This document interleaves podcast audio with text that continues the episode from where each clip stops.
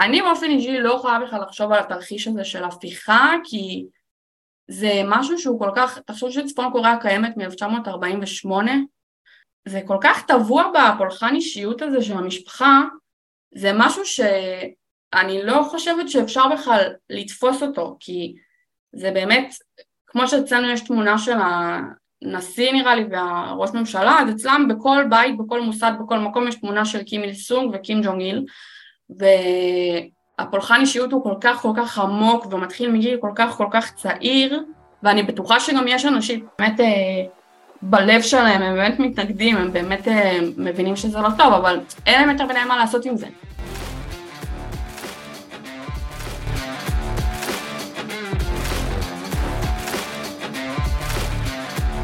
שלום וברוכים הבאים לעוד פרק של הכל מעניין, פודקאסט שבו אנחנו מארחים אנשים עם אה, תשוקה, תחביב אה, שממש מעניין אותם, אה, והיום אנחנו מארחים את שי יגר. היי שי. היי אריאל, מה נשמע? מעולה, מה שלומך? מצוין. אז ברוכה הבאה להכל מעניין, ואצלך התשוקה היא גם, אני לא אגיד העבודה, אבל בעצם... סוג של. מה שאת עושה. כן. אז מה את עושה? בגדול אני עושה היום אה, דוקטורט באוניברסיטת חיפה אה, בנושא היחסים בין דרום וצפון קוריאה, וזהו, ומצייצת בטוויטר. יפה. אז לפני שנצלול ככה לצפון קוריאה, ככה קצת אה, שאלות על עצמך. אז אני עושה מין סט של שאלות קבועות, והפעם עשיתי סט חדש של שאלות, אז נראה איך זה עובד. אז יש לי שאלה, אמרת שאת מצייצת בטוויטר, אז אחת השאלות היא איך הגעת לטוויטר? Um, האמת שהבן זוג שלי היה, היה הראשון בטוויטר מבינינו לפני כמה שנים והוא כל הזמן אמר לי תקשיבי את חייבת להיות בטוויטר יש שם אנשים מדהימים שעושים כל מיני שרשורים על באמת דברים שמעניינים אותם כל מיני תחביבים בתחומי עניין מיוחדים את, את פשוט חייבת להיות שם. הקשבתי לו, נכנסתי לטוויטר, התחלתי לצייץ על צפון קוריאה והוא בינתיים נטש והוא עזב את הטוויטר והשאיר אותי לבד. uh, זהו אבל באמת זה בזכותו, כן זה גם מהווה מקור מידע בשבילך, אה, טוויטר, על כן. העבודה שלך? כן. כל, כל, פעם ש, כל פעם שהצפון קוריאנים מתנגשים בדגים בים. כן, זה גם. Uh, אני בדרך כלל מתעדכנת בדברים האלה יותר מאתרי אינטרנט, uh, פחות מהטוויטר, אבל הרבה פעמים נגיד שאני עושה כל מיני שרשורים, או סתם אפילו מצייצת על משהו שקרה, הרבה פעמים אנשים שואלים אותי שאלות, ואז בשביל לענות להם את התשובה המדויקת, אני באמת, אה, אני קוראת על זה, אז זה גורם לי בעצם דרך השאלות של האנשים שאני מחפשת את המידע, אה, ללמוד בעצמי, וגם, אה, כן, כמו כולם, אני עוקבת אחרי אתרי חדשות, כל מיני בלוגים ואנליסטים ואנשים שהם גם מתמחים בצפון קוריאה, אז כן, זה מקור מידע מצוין, ממש. בעצם כמה היית מעריכה אחוז מהפיד שלך הוא צפון קוריאה? לא יודעת, קשה לי להעריך, נראה לי 50 אחוז. וואו, אוקיי. זה הרבה בשביל, זה ממש הרבה בשביל מדינה שבעצם לא מייצרת, אה, ש, כאילו, אטומה לעולם. טוב, אנחנו נדבר על זה. אה, בילוי מועדף. לצאת לפאבים, כזה, עם חברים. יש פאבים בחיפה? לא הרבה, אבל יש. עובדה שאנשים לא יודעים עלייך. עובדה שאנשים לא יודעים עליי. זאת שאלת התקלה, כן. זה ממש שאלת התקלה. אה, עובדה שאנשים לא יודעים עליי. יש לי הפרעות קשב וריכוז, הייתי בכיתת מב"ר בתיכון, סיימתי בלי בגרות.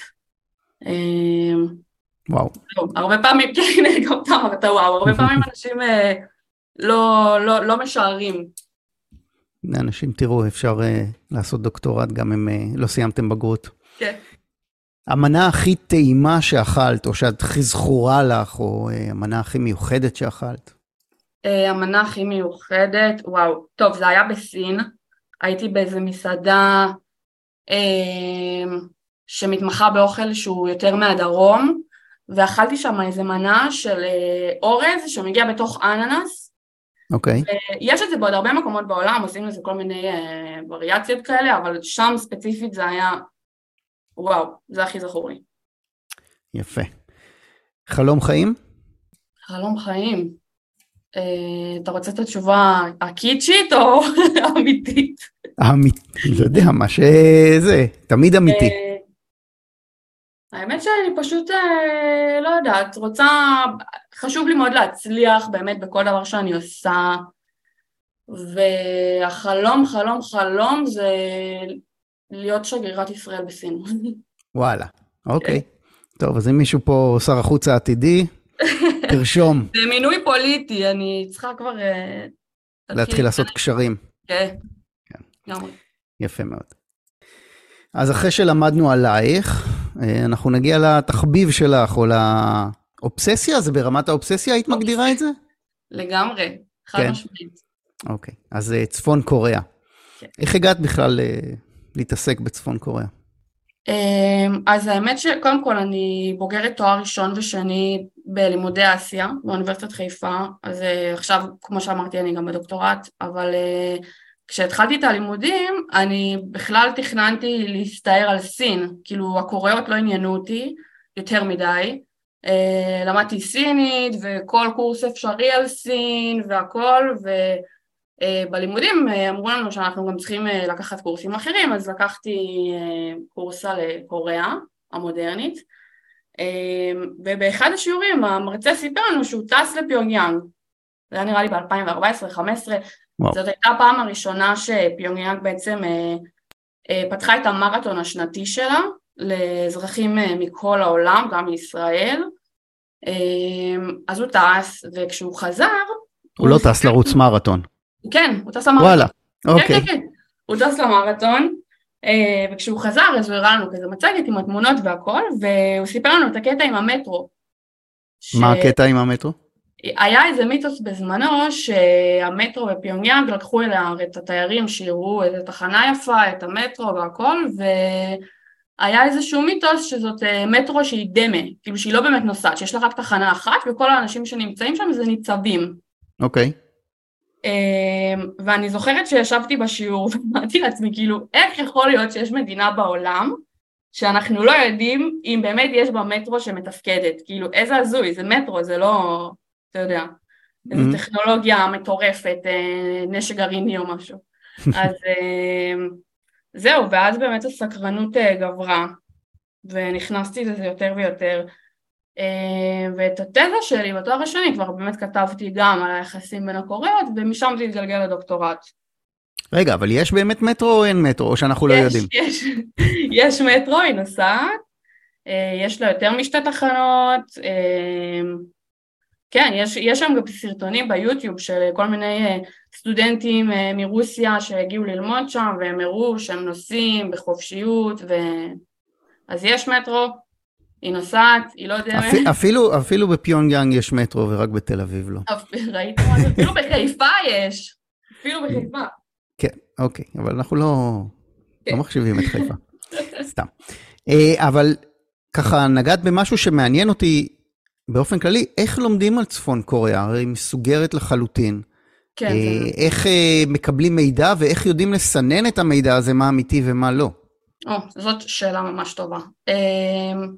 קודם כל מידע זה, אני למשל הדוקטורט שלי, הוא, התחלתי אותו מתוך באמת המקום הזה של זאת מדינה שמאוד מאוד קשה ללמוד עליה, אז איך כן אפשר, אם בוחנים באמת את היחסים שלה עם מדינות אחרות, מסתכלים על היחסים שלה עם דרום קוריאה, עם ארצות הברית, עם סין, עם רוסיה, וככה אפשר באמת ללמוד עליה המון. אה, וגם היום, זה בעיקר באמת דרך ה- היחסי חוץ שלה, יחסים עם ארצות הברית, עם יפן, עם דרום קוריאה, עם סין, אפשר ללמוד המון. אה, כן, זה בעיה, באמת זה בעיה עם הנתונים, אבל אה, מסתדרים, צריך באמת להפעיל שיקול דעת, הרבה. אה, לעשות עכשיו, אתה יודע, מחקר כזה כמותני של אה, סטטיסטיקות וזה, זה מן הסתם לא אפשרי, אבל מחקרים אה, כמוני, שזה מדעי הרוח, מדעי החברה, שזה להסתכל טיפה מבחוץ, אז זה כן, זה מלמד המון גם. אה, זהו. ואם רואים סרטונים משם, יש דרך לדעת שהם אמיתיים או אה, על ידי הש- השלטון? כל מה שיוצא משם זה, זה, זה השלטון, אין דבר שיוצא מצפון קוריאה ו, והוא לא משהו שהשלטון בעצמו יצר. לאזרחים מצפון קוריאה אין גישה חופשית לאינטרנט, אה, יש להם אינטרנט פנימי, אתרים אה, משלהם, אבל רק למעט מאוד אנשים יש באמת גישה חופשית לאינטרנט, ואז באמת יש שם הרבה חשבונות תעמולה ביוטיוב, אפילו בטוויטר יש, בטיק טוק, גם ראיתי לאחרונה, כן, הם עושים סרטונים, כן, הכל תעמולה, בגדול, אין משהו שהוא אותנטי שמגיע. אין אנשים פיראטיים שהצליחו איכשהו להסתנן לאינטרנט או להבריח דברים שאנחנו יודעים שזה קיים? אנשים פיראטיים אין. אה, בצפון קוריאה יש אה, פיקוח מאוד הדוק על האוכלוסייה ויש מערכת אה, מאוד נרחבת של הלשנות. אז גם אם מישהו מצליח, סביר להניח שיתפסו אותו, אבל מה שכן יש זה כל מיני נגיד דיפלומטים זרים בעיקר מרוסיה, שהם כן מעלים כל מיני סרטונים, נגיד שהתחילה הקורונה, אז הייתה איזושהי דיפלומטית, אני לא יודעת אם עדיין שם, מרוסיה, שעשתה סרטון והראתה את המחירים בסופרמרקטים בפיונג יאנג.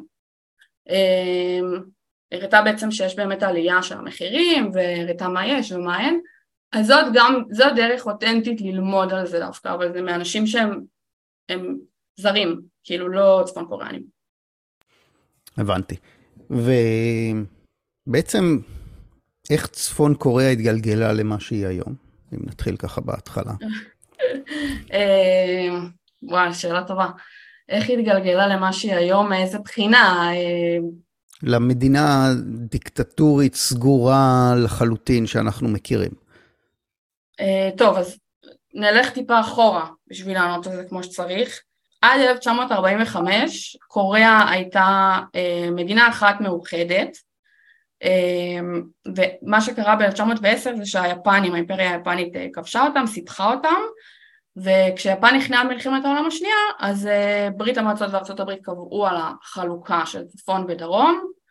אה, ממש האמריקאים לקחו שני קצינים צעירים, אחד מהם דרך אגב היה דין רסק שאחר כך הפך למזכיר המדינה האמריקאי כן, ממש לקחו מפה מנשיונל ג'אוגרפיק, נתנו לשני הקצינים, אמרו להם תקשיבו, אנחנו צריכים את סאול אצלנו, ברית המועצות רוצה את החלק הצפוני בגלל הקרבה הגיאוגרפית, תיקחו את המפה, תעשו קו באמצע, ממש ככה, כן, בקו הרוחב 38, אה, וזהו, ואז באמת היו כמה שנים של אה, נאמנות זרה של ארה"ב בדרום וברית המועצות בצפון, אה, ומה שעיצב בעצם את אה, צפון קוריאה זה זה, זה השליטה, הנאמנות, סליחה, הסובייטית שהייתה שם עד 1948. אה, זהו. אז התחילה כן. מלחמת קוריאה. כן, אחרי שנתיים, כאילו ב-1950, קים איל סונג רצה לאחד את כל חצי האי תחת השליטה שלו, וכן, ב-4 בבוקר, ב-25 ביוני 1950, התחיל להפגיז, ואז באמת התחילה מלחמת קוריאה, שאגב היא טכנית, רשמית, היא לא נגמרה עד היום, מה שמחזיק את המצב כרגע זה הפסקת אש שנחתמה ב-1953. קצת כמונו. כן, קצת. ויש באמת הרבה דברים שמזכירים את אה, דרום קוריאה וישראל מהבחינה הזאת. זה בעצם מלחמה בין, אה, כאילו, באותו עם, נכון? זה, אין, כן. אין הבדל מבחינת קוריאנים בין הצפונים לדרומיים. אין שום הבדל, אה, ויותר מזה, החוקה בדרום קוריאה, אז היא מגדירה את אזרחי צפון קוריאה כאזרחיה שלה, וכל ממשלה בכל צד של חצי האי, כל ממשלה רואה בעצם את הצד השני כלא לגיטימי, ודרום קוריאה מבחינתה, צפון קוריאה זאת לא מדינה אמיתית, היא לא לגיטימית, האזרחים שם הם אזרחי דרום קוריאה, אה, וגם צפון קוריאה, הממשלה בדרום היא לא לגיטימית, זאת ממשלת בובות של האמריקאים, כן, וכולם מחכים לאיחוד של חצי האי. והסגירות הזאת של אה, צפון קוריאה, אה, אין יוצא ואין בא, אין אה, שום קשר לעולם החיצון, זה התחיל ישר או שזה משהו שהתפתח עם השנים ואיך זה התפתח? קודם כל קים איל סונג היה, הוא היה, חי, הוא היה מנהיג גרילה במלחמה, מלחמת העולם השנייה, והוא גם היה בברית המועצות, הוא היה מקורב, הוא היה קשור אליהם, הוא סוג של... אה, הוא לא באמת התחנך שם כי הוא לא גדל שם, אבל הוא כאילו את החלק המשמעותי של החיים שלו הוא העביר בברית המועצות. הוא באמת היה קומוניסט גם, או שזה כזה, הוא השתמש בקומוניזם, או שאנחנו לא יודעים? אם הוא היה באמת קומוניסט, כן, הוא היה קומוניסט. Uh, לאט לאט הוא נטש את זה, אבל הוא התחיל כ- כקומוניסט לגמרי, וכשהסובייטים שמו אותו בעצם שיהיה מנהיג צפון קוריאה, הוא הלך פשוט לפי המודל של סטלין, כאילו הפולחן אישיות, הסגירות הזאת, ההתנגדות למערב, ואז גם פרצה המלחמה הקרה, ואתה יודע, צריך לבחור צדדים.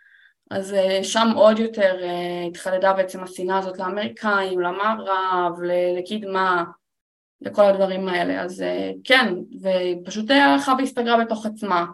הפולחן אישיות של קים איל סונג וכל משפחת קים מאוד מאוד התגבר, ועכשיו הם נחשבים אלים בצפון קוריאה, ממש, לכל דבר. אלים לכל דבר? סוגדים להם והכל? לא יודעת אם סוגדים להם במובן הדתי, אבל כן, המשפחה זה הכל, המנהיג זה הכל, קים איל סונג עדיין, אפילו שהוא מת מ-94, הוא עדיין המנהיג הנצחי של צפון קוריאה, הכל שם זה סביב המשפחה, כולל הנשק הגרעיני והטילים, זה הכל סביבם, זה פשוט מדינה שבנויה סביב הפולחן אישיות הזה. הבנתי, אז תעשי לנו סדר בשושלת, אז יש לנו את קים איל סונג שבעצם מייסד צפון קוריאה המודרנית, כן. והוא נפטר ב-94, אחריו? כן, הוא נפטר ביולי 1994, אחריו היה את הבן שלו, קים ג'ונג איל, שהוא מלאך, הוא מלאך, הוא שלט בצפון קוריאה uh, מ-94 עד 2011, הוא נפטר, ועכשיו יש לנו את uh, קים ג'ונגון הנוכחי, הנכד. ויש לו גם אחות, נכון? Uh, שהיא... Uh... כן, יש את אחותו, קים יו ג'ונג, שהיא גם הפכה להיות דמות מאוד מרכזית בהנהגה. Uh, לאחרונה, לפני כמה חודשים, הוא גם הראה לנו את הבת שלו, פעם ראשונה, שזה היה אירוע מאוד מאוד מאוד מרגש לאנשים כמוני שעוקבים אחרי מה שקורה בצפון קוריאה, זה היה באמת uh, מטורף. כן, יש לו עוד uh, אח אחד שהוא uh, חצי אח שהוא התנקש בו, אם אתה זוכר את אוקיי, הסיפור. אוקיי, לא, תספרי לנו על זה. היה לו אח שקראו לו קים ג'ונג נאם, וקים ג'ונג נאם רצה לנסוע לדיסנילנד בטוקיו, ובדרך אה, במלזיה אה, שתי מתנגשות אה, הרגו אותו באמצעות רעל, כן, והשמועה אומרת שזה היה בעצם בהוראת קים ג'ונג און, שרצה, אתה יודע... לוודא שהשושלת שלו היא זאתי שנשארת? כן, שאף אחד לא יעשה לו פדיחות, וייסע פתאום ליפן, וילך לדיסנילנד, וכן, שלא יהיו לו מתנגדים, שלא יהיה פה מישהו שחס וחלילה ירצה להתאמץ איתו ולקחת לו את השלטון. יש להם עוד אח, שאם אני לא טועה הוא חי בפיונג יאנג, אבל הוא דמות מאוד אנונימית כזה, אומרים שהוא אוהב את אה, אריק קלפטון, ושהוא מנגן בגיטרה, ויש לו להקה, כל מיני כאלה. ומה מבנה השלטון בעצם בצפון קוריאה, חוץ מאשר uh, הקימים uh, למיניהם? אז זהו, שזה רק הקימים למיניהם. תראה, צפון קוריאה היא דיקטטורה uh, חד מפלגתית. אה, יש להם אה, זרועות שלטון, רשות מחוקקת, רשות מבצעת, אבל זה הכל, זה גופים שהם אה, חותמת גומי, זה גופים שהם חסרי שיניים, בסוף מי ששולט במדינה זה המעגל הפנימי של קים ג'ונג און, ומי שמקבל את ההחלטות זה קים עצמו. אז, אז זה, זה באמת הוא, כאילו זה באמת המדינה סביבה, בנויה סביבו. והצבא, אבל הוא מן הסתם מאוד דומיננטי. הצבא הוא מאוד מאוד דומיננטי. אה, קים, קים ג'ונג און הוא גם המפקד העליון של הצבא, אם למישהו היה ספק לגבי זה. אה, כן, הצבא מאוד דומיננטי, אה, הכל קשור אחד בשני, הפוליטיקה והצבא, יש לצפון קוריאה מדיניות, מדיניות הסונגון, שאומרת שלצבא יש עדיפות למדיניות שאבא שלו, קים ג'ונג איל טבע, אמ, כן, זה עד היום ככה. מה זה אומר עדיפות? שהמשאבים, אה, כל המשאבים החשובים והכסף הולכים לצבא. זהו, כל המדינה היא צבא. אגב, כמו בישראל יש גיוס חובה גם לגברים וגם לנשים. של כמה זמן?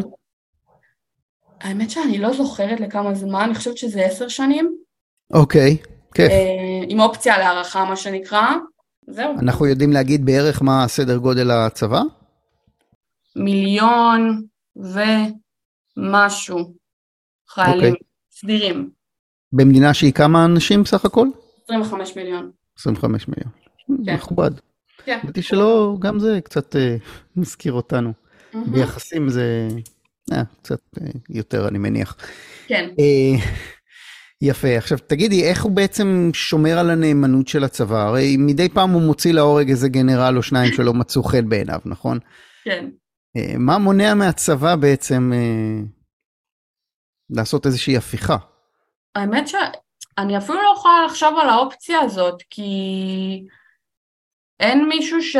אני חושבת שזה קצת כמו עם רוסיה עכשיו, שגם אם עכשיו מישהו יוריד את פוטין, כאילו האופי של המשטר הרי הוא לא ישתנה, זה רק להחליף משהו במשהו אחר, שיכול להיות שהוא גם יהיה יותר גרוע.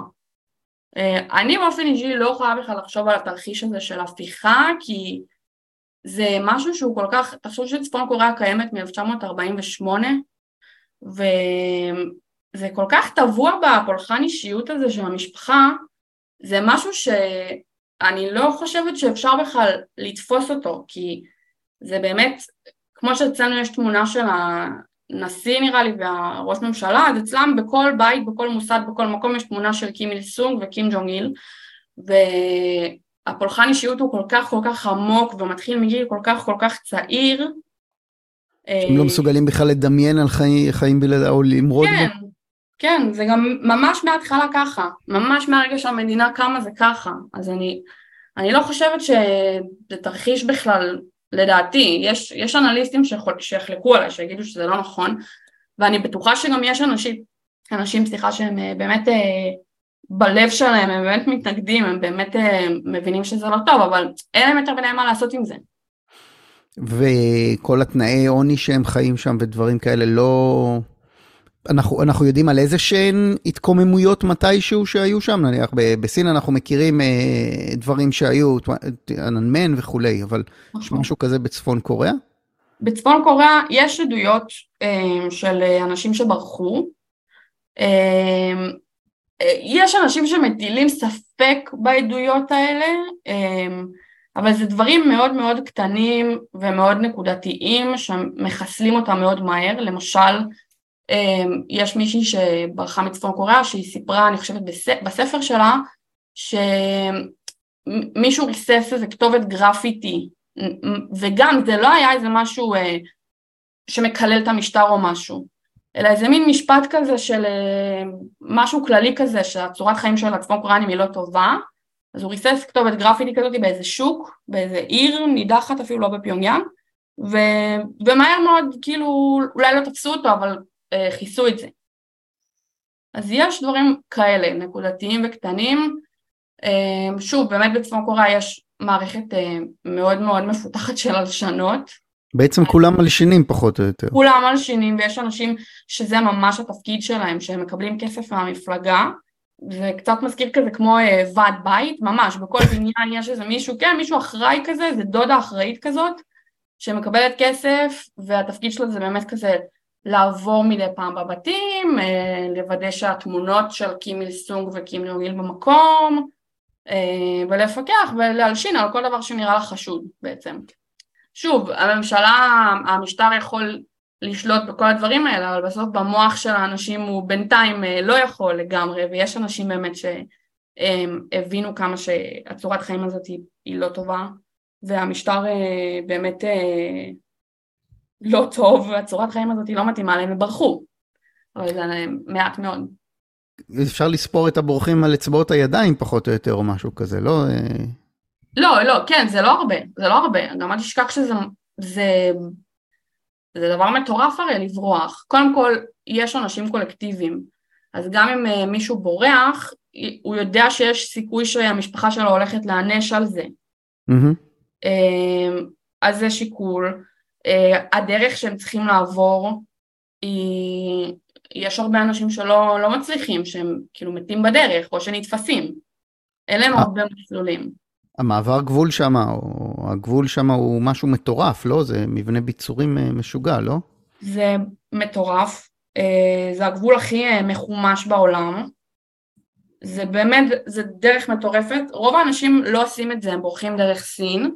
יש שם כל מיני מתווכים, אנשים כאלה, בעיקר בדרום קוריאה, יש עכשיו ממש תעשייה שלמה של אנשים שזה התפקיד שלהם להביא אנשים מצפון קוריאה לדרום, אבל הם עושים את זה באמת דרך סין, עם כל מיני אישורים מזויפים, יש אנשים שחוצים את הנהר לסין, שמעתי גם על אנשים שעשו את זה דרך הים, ווא. אבל שוב, זה בצפון קוריאה כל האזור הזה, גם של הגבול עם סין וגם של הגבול עם דרום קוריאה, זה, יש שם אלפי חיילים חמושים שמחכים כאילו לתפוס את האנשים האלה, פשוט אה, יורים בהם אם הם נתפסים. עכשיו תגידי, היא מקיימת איזה שהם אה, יחסים אה, כלכליים עם מדינות אחרות? היא מקיימת יחסים כלכליים עם סין, 90% מהסחר שלה זה עם סין. רחוק מאחורה יש את רוסיה והודו, אבל בגדול זהו. ואיך היחסים האלה מתקיימים? אנשים יוצאים מהמדינה כדי לקיים, לקיים איזה שהם יחסים כלכליים? כן, יש, קודם כל יש עובדי כפייה, צפון קוריאנים, שצפון קוריאה בעצם שולחת אה, לכל, להרבה מקומות, לא לכל מקום בעולם, אבל הרבה מקומות, יש הרבה מהם מרוסיה, עכשיו על רקע המלחמה גם היה, אני לא יודעת אם באמת זה נכון, אה, אומרים שכן, כל מיני אנליסטים ואתרי חדשות, אה, שצפון קוריאה מתכננת לשלוח אה, עובדים לחלק הכבוש באוקראינה כדי לשקם. זה אנשים שהם כאילו אה, סוג של פושעים שזה העונש שלהם, או שסתם? לא, לא. אנשים, סתם אנשים, בדרך כלל גם צפון קוריאה בוחרת אה, אנשים אה, צעירים, משפחות צעירות, כדי שלא יהיה להם את הפיתוי לברוח.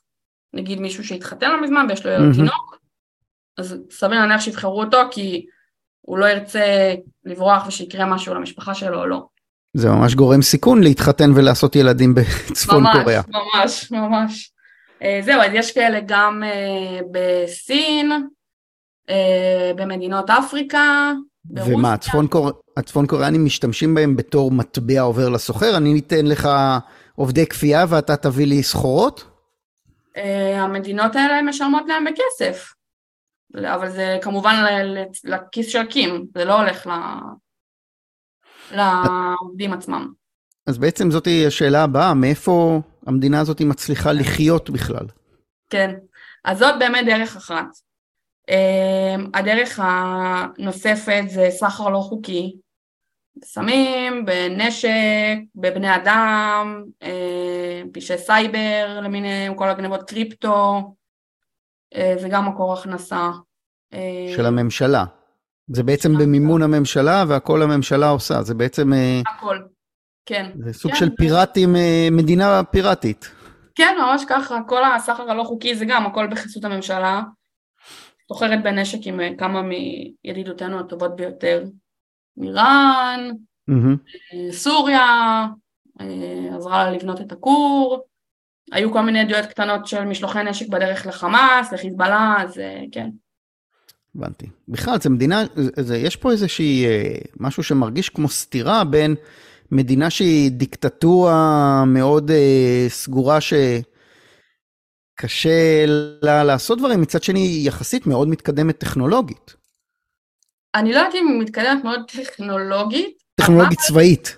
כן, זה כן, זה חד משמעית כן, והרבה אנשים באמת נוטים לזלזל ביכולות הצבאיות של אה, צפון קוריאה, אבל uh, בסך הכל היא מתקדמת uh, בצורה מאוד מרשימה. אתה יודע, בנוכח הנסיבות שהיא מתמודדת איתן, גם הכסף, כאילו המצב הכלכלי, גם המצב המדיני שאין לה כל כך שותפות בעולם. כן, היא מתקדמת באמת בקצב מרשים. היא עשתה את זה בזכות אה, מומחים חיצוניים, או שפשוט פיתחה את היכולות אה, בתוכה, נניח הנשק הגרעיני? זה היה בתמיכה סובייטית. אה, קימיל סונג כבר בשנות החמישים מבין שהוא יצטרך פה איזשהו משהו, אתה יודע, שיעזור לו גם מבחינה פנימית, להצדיק את השלטון שלו, וגם באמת כל התודעה של צפון קוריאה זה תודעת מלחמה, כל הזמן מבחינתם ארה"ב עוד שנייה הולכת להתקיף אותה, אז היא צריכה משהו שיהיה לה להתגונן. קצת כמונו. זה מזכיר אותנו ממש, בהרבה מובנים. אמ, זהו, אז, אמ, אז הנשק הגרעיני זה היה בתמיכה סובייטית, בהתחלה סטלין אה, לא כל כך רצה לעזור, אה, ובסוף הוא השתכנע כי הם שכנעו אותם שזה יהיה למטרות אה, שלום, כן, שהם לא יעשו בזה שימוש לרעה בנשק הגרעיני, וזהו, וגם הטילים עצמם, אה, ברית המועצות לא רצתה לעזור להם בהתחלה, אז צפון קוריאה הגיעה לאיזשהו הסכם עם מצרים. אוקיי. Okay. מצרים נתנה להם סקאט בי סובייטי, mm-hmm. הם הגיעו לאיזושהי עסקה של פיתוח משותף. צפון קוריאה עשתה לו הנדסה לאחור, פירקה אותו, הבינה איך מרכיבים, והיא פשוט עזרה אחר כך למצרים גם. אה, היא נתנה לה את הידע ואת המומחיות שהיא הרוויחה בזכות ההנדסה לאחור של הסקאד. אז אה, כן, זה הכל... אה, והם פיתחו טילים הרבה יותר מתקדמים מהסקאד, כלומר מגיעים כן. לאלפי קילומטרים. נכון. כן, היום יש לה גם טילים שהם יכולים להגיע לארה"ב. כן. כן, אין מה להגיד, הם אה, באמת התקדמו בקצב מטורף. הצפון קוריאנים הם אנשים משכילים? כלומר, יש להם אוניברסיטאות שזה, שמוציאים אנשים שהם באמת מדענים טובים? יש לנו מושג? הם אנשים משכילים, האנשים שם הם גם יודעים קרוא וכתוב, הם אומרים שיש להם 100% אוריינות, אני חושבת שזה נקרא, שכולם יודעים mm. לקרוא ולכתוב, זה מה שהם אומרים, אבל כן, יש להם אוניברסיטאות, הם עושים גם חילופי סטודנטים, יש סטודנטים זרים ובמלחמה הקרה גם צפון קוריאה שלחה סטודנטים למדינות מזרח אירופה. אז אה, כן, המצב, אתה יודע, אני חושבת שהוא לא משהו בהשוואה אלינו נגיד, לארצות הברית, מדינות באירופה, אבל כן, יש אוניברסיטאות, יש, אה, יש קצת ידע בתוך המדינה. ומבחינת אה, נשק גרעיני, אנחנו יודעים כמה, איזה כמויות יש להם, ובעצם ממתי יש להם נשק גרעיני? משנות החמישים? הם התחילו לפתח אותו בשנות החמישים, התחילו להצטבר עדויות לנשק גרעיני בשנות התשעים, ואז היה בעצם את כל המשא ומתן עם האמריקאים וכל זה, והם נכנסו ל-NPT, לאמנה למניעת הפצת נשק גרעיני, אחר כך הם יצאו ממנה, אבל אנחנו קיבלנו הוכחה שיש להם נשק גרעיני ב-2006, כשהם עשו ניסוי גרעיני. אז אה, יש להם נשק גרעיני, בוודאות. אה, הערכות היום נעות בין 30 ל-50 אה, ראשי קרב גרעיניים, עם יכולת לייצר כל שנה, אני חושבת בין עוד שישה לשבעה, משהו כזה. כן, okay. אוקיי. יודעים שיש להם, כן. הם עשו עוד ניסויים מאז 2006, ניסויים גרעיניים? כן, הם עשו שישה עד 2017, זה היה האחרון. ואנחנו עכשיו אה, כל הזמן אה, מכינים אותנו, יש תמונת לוויין מעל הכור שלהם, מעל המתקן הגרעיני, ואומרים שיש שם הרבה פעילות בזמן האחרון, וכן, אז אנחנו מחכים אה, אולי עוד אחד. הניסויים הגרעיניים האלה זה באמת ניסויים מדעיים, לראות שהכל עובד, או שזה יותר להראות לעולם יש לנו? זה ניסויים מדעיים, אה, זה, מהמובן הזה זה כמו כל מדינה, כאילו שיש לה מערכות נשק, היא רוצה לפתח אותן, היא רוצה ללמוד אותן. אה, העולם יודע שיש לצפון קוריאה נשק גרעיני, זאת אומרת אין פה איזשהו, פה לא חושבים שהיא משקרת, פה אנחנו יודעים שיש לה בוודאות, אבל אה, כל הניסויי טילים הרגילים במרכאות כפולות, זה משהו שהיא באמת עושה בשביל להראות שהיא, שיש לה, להעביר איזשהו מסר לעולם, נגיד כל השיגורי טילים שהיא עשתה לאחרונה מעל יפן, אה, היא בדקה טיל חדש עם אה, מנוע חדש, אה, זה דברים שהיא יותר עושה לשם הפרובוקציה, נקרא לזה ככה. הם היו רוצים שנניח, אני מסתכל על המצב שלנו עם השכנות שלנו, שאנחנו לא בשלום איתם, לא נראה לי שיש איזה אינטרס לאחד הצדדים שתפרוץ מלחמה. הם היו רוצים מלחמה עם אה, דרום קוריאה, או שזה כזה רק אה, תיזהרו, אנחנו, תחזיקו אותי? הם אמ, לא, הם לא רוצים מלחמה, נתחיל מזה, ובאופן כללי מדינות שיש להן אה, נשק גרעיני זה לא אומר שהן רוצות מלחמה, הרי גם. ישראל. לכאורה ישראל כמובן. אמ, זה לא אומר שהן רוצות מלחמה, והמשטר בצפון קוריאה יודע שאם הוא מתחיל במלחמה ראשון, זה הסוף שלו. זה יהיה באמת הסוף של המשטר. אה, למה? גם ארצות הברית לא תרצה. כי אם הוא יתחיל משהו, אה, אתה יודע, אי אפשר להשוות בין הצבא האמריקאי והיכולות של האמריקאים ליכולות של צפון קוריאה. צפון קוריאה, כאילו אם ארצות הברית עכשיו תנס, היא יכולה תאורטית להוריד אותה, כן. אמ, גם לאמריקאים אגב זה לא משתלם, כאילו לצאת עכשיו למלחמה איתם, אז הכל מתנהל מאוד מאוד בזהירות. אמ, כמה אבל... אמריקאים נמצאים בתוך דרום קוריאה וכאילו תומכים בה? לאמריקאים יש אה, ברית הגנה עם הדרום קוריאנים, הם בעצם מעולם לא עזבו את דרום קוריאה, זאת אומרת כשהסובייטים עזבו את צפון קוריאה ב-48 האמריקאים הם לא ממש יצאו משם, הם נשארו שם, ארה"ב מחויבת להגן על דרום קוריאה לפי האמנה, האמנות שלהן, ההסכמים שלהן, אה, זהו, כן, זה שם, אה, יש להם שם מערכות נשק רבות ומגוונות ומאוד מתקדמות בשביל להגן על הדרום קוריאנים, זהו, גם קצת כמו ישראל. שנהנית מהמטריה האמריקאית. כן. עכשיו, אה, אולי דיברנו כל הזמן על הצבא וזה, אבל מה לגבי האזרחים? כלומר, מה את יכולה לספר לי איך החיים שלהם נראים שם? אני זוכר ששמעתי איזשהו סיפור, אני לא יודע, אין לי מושג אם הוא נכון, שבכל בית יש מקלט רדיו שחייב להיות כל הזמן פתוח על אה, רדיו צפון קוריאה או משהו בסגנון, זה נכון? אני לא חושבת שהוא אמור להיות כל הזמן דלוק, אבל אה, כן, בכל בית יש באמת אה, מקלט כזה של רדיו, ויש רמקולים בכל מקום, ויש... אני לא הייתי בצפון קוריאה, אז אני לא יודעת להגיד ממה שאני ראיתי, זה הכל באמת מעדויות. פיקוח הדוק על כל דבר שעושים, כל הזמן, נראה לי שזה קצת כל הזמן לפחד מהצל של עצמך, אם זה אפילו, סתם נגיד בזמנו, לפני נגיד 30 שנה, אה, כשרק התחילו להיכנס לטלוויזיות לצפון קוריאה, אז אה, זאת הייתה דרך בשביל המלשינים לדעת למי יש כסף, כי הם היו רואים בלילה את האורות של הטלוויזיות מהחלונות, mm-hmm. אז, אה, אז כן, זה, זה ממש ככה, זה כאילו כל הזמן אתה צריך לחשוב פעמיים, אני אדליק טלוויזיה, הם יראו את זה עכשיו שאני רואה טלוויזיה, בלילה בחוץ, והם יראו את האור, אני רוצה שידעו שיש לי טלוויזיה, כאלה, אז כן, אבל בגדול נראה לי שיש להם חיים יש להם תיקונים, איך הבתים שלהם נראים, אה, חוות חקלאיות, אני לא יודע. קודם כל, אז כמו שאמרתי קודם, יש לכל אחד את התמונות כן. של אה, אבא וסבא קים בבית. אה, הדירות, אני לפעמים מצייצת בטוויטר שיש עכשיו איזה בום של בנייה מטורף בצפון קוריאה, הם בונים מלא מלא מלא בתים חדשים זהו, הכל, הכל נראה מאוד סובייטי בסוף עדיין, כאילו מאוד אה, של פעם כזה, של אה, באמת אה, שנות ה-80 בברית המועצות. חוץ מהתמונות אני לא יודעת על איזה שהן אה, הגבלות מיוחדות באמת. אה. אנחנו רק יודעים היום שהרמת חיים של האנשים בפיונגיאנג היא גבוהה ביחס לשאר המדינה, וזהו, ו, ובגדול אני חושבת שהם כאילו האזרחים באמת חיים חיים חיים רגילים, הולכים לעבודה, אה, חוזרים הביתה, מתחתנים, מביאים ילדים, יוצאים, חברים, משפחה, חגים. כן, יש התקהלויות ויש אירועי תרבות וספורט וכמו מדינה רגילה? כן, כן. זה גם חשוב למשטרים האלה, בסוף. ויש הרבה מצעדים גם להיות בהם.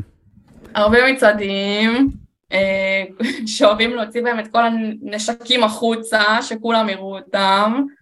אמ, זה קורה באירועים מאוד מאוד מיוחדים, במצעדי נשק, זה קורה בימי הולדת של המנהיגים, בעיקר אה, של אה, קימיל סונג, זה נקרא יום השמש, זה בחודש אפריל כל שנה, יום הקמת הצבא, יום הקמת הדמוקרטיה העממית, יום אה, זה, כאילו בימים כאלה, מועדים לאומיים כאלה, אז הם עושים את המצעדים, מוציאים הכל החוצה, בשלוש שנים האחרונות הם התחילו לעשות את זה בלילה.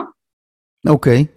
לא יודעת למה, אבל זה מספק לנו אחלה תמונות, בסוף, שזה מה שחשוב, סתם. הבנתי. ומבחינת עבודה, הם, הם, הם מקבלים משכורת מהממשלה? כולם מקבלים את המשכורת? זה קומוניסטי? זה, איך זה בדיוק עובד? אה, זה לא ממש קומוניזם.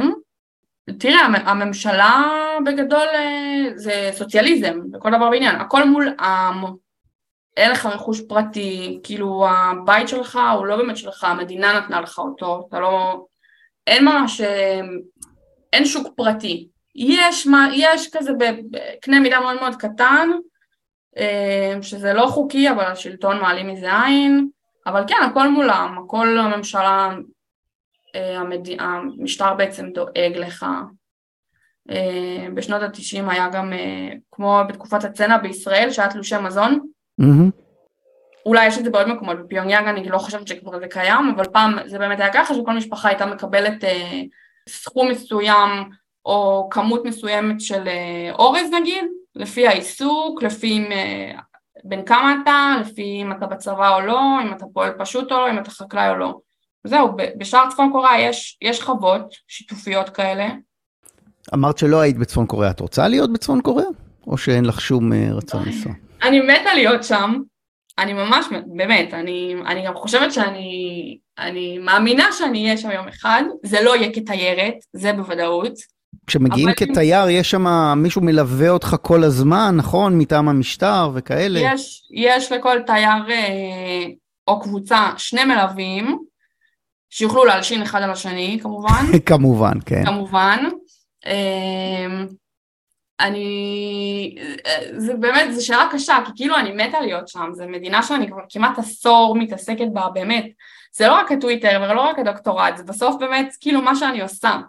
אז אני מתה לראות אותה, אבל אה, יש פה גם דיסוננס קצת, עם זה שזה בסוף, אם זה כתיירת, אז זה גם מממן את המשטר הזה, שזה קצת, אה, לא יודעת, קצת קשה עם המחשבה. אבל אה, לא יודעת, אם נגיד תצא איזה קבוצה של, אה, לא יודעת, אנשים מישראל, עיתונאים או משהו כזה ממשלתי, אז אני הייתי שמחה לנסוע. גם אתה יודע, זה טיפה, טיפה מפחיד, אני לא יודעת אם הם באמת עוקבים נגיד אחרי רשתות חברתיות, כי אם כן, אז אין שום סיכוי שאני אוכל להיכנס לשם. אבל... אה, גם אם לא, כשתגישי בקשת אשראי, הם בטח יעשו את הבדיקה הזאת. לא, או שהם יחכו לי שם ואז הם יתנקמו. אי אפשר לדעת. יש סיפורים כאלה על אה, זרים שהגיעו ונעלמו? אה, כן, זה לא היה בגלל רשתות חברתיות, זה היה בגלל שהם עשו דברים שהם אסורים. אה, הסיפור הכי מוכר... נשמו. מה זה? נשמו.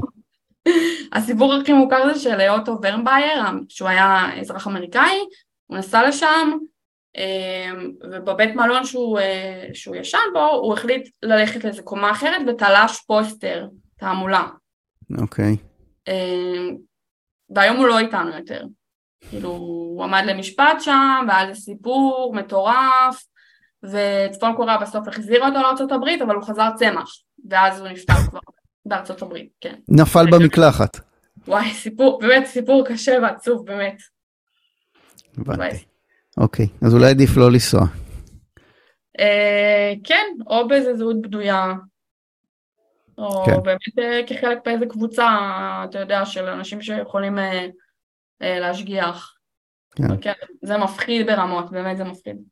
תגידי, איך חיי אנשים שם? כלומר, זו מדינה פמיניסטית, או כאילו... תראה, על הנייר הם דוגלים בשוויון לכולם. יש עכשיו שרת חוץ, פעם ראשונה, אישה. Okay. אוקיי. אמ, אחות של קים גם, היא עכשיו דמות מאוד בולטת. אז אה, באמת על הנייר הם דוגלים בשוויון, אבל בסוף, גם בדרום קוריאה דרך אגב, זה לא משהו שהוא מיוחד רק לצפון, זאת חברה מאוד אה, שמרנית, אה, פטריארכלית, זה בגלל הקונפוציאניזם שהולכים לפי ה... יותר לפי הגבר, לפי הבכור, לפי השליט, אז כן.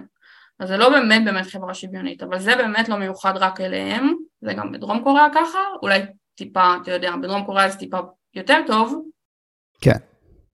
אבל כן, מעמד... חלק מהתרבות הדרום קוריאנית מצליחה לחלחל לשם באיזושהי צורה, נניח קיי-פופ ודברים כאלה? Uh, כן, טיפה. קודם כל יש תעשייה שלמה של הברחות, דרך סין בעיקר, של כל הקיי דרמה, זה הסדרות של mm-hmm. דרום קוריאה. אה, לפני כמה שנים הייתה הופעה של להקת קיי-פופ אה, דרום קוריאנית שהם הופיעו בצפון. נכון, סיפרה לי על זה גבריאלה בפרק אה, נכון, שהיא הייתה כן, אצלי. כן, נכון, היא דיברה על זה. זהו, אז כן, זה נכנס, אבל צפון קוריאה לא מתה על זה, היא לא רוצה שהצעירים שלה ייקחו כל מיני רעיונות מהדרום. אמ, ודברים אחרים מהמערב, לא מקוריאה, גם אה, דרך הברחות וכאלה, הם מכירים אה, תרבות אמריקאית כלשהי, או... תרבות אמריקאית, אני, אני לא חושבת, אבל זה באמת בגלל ה...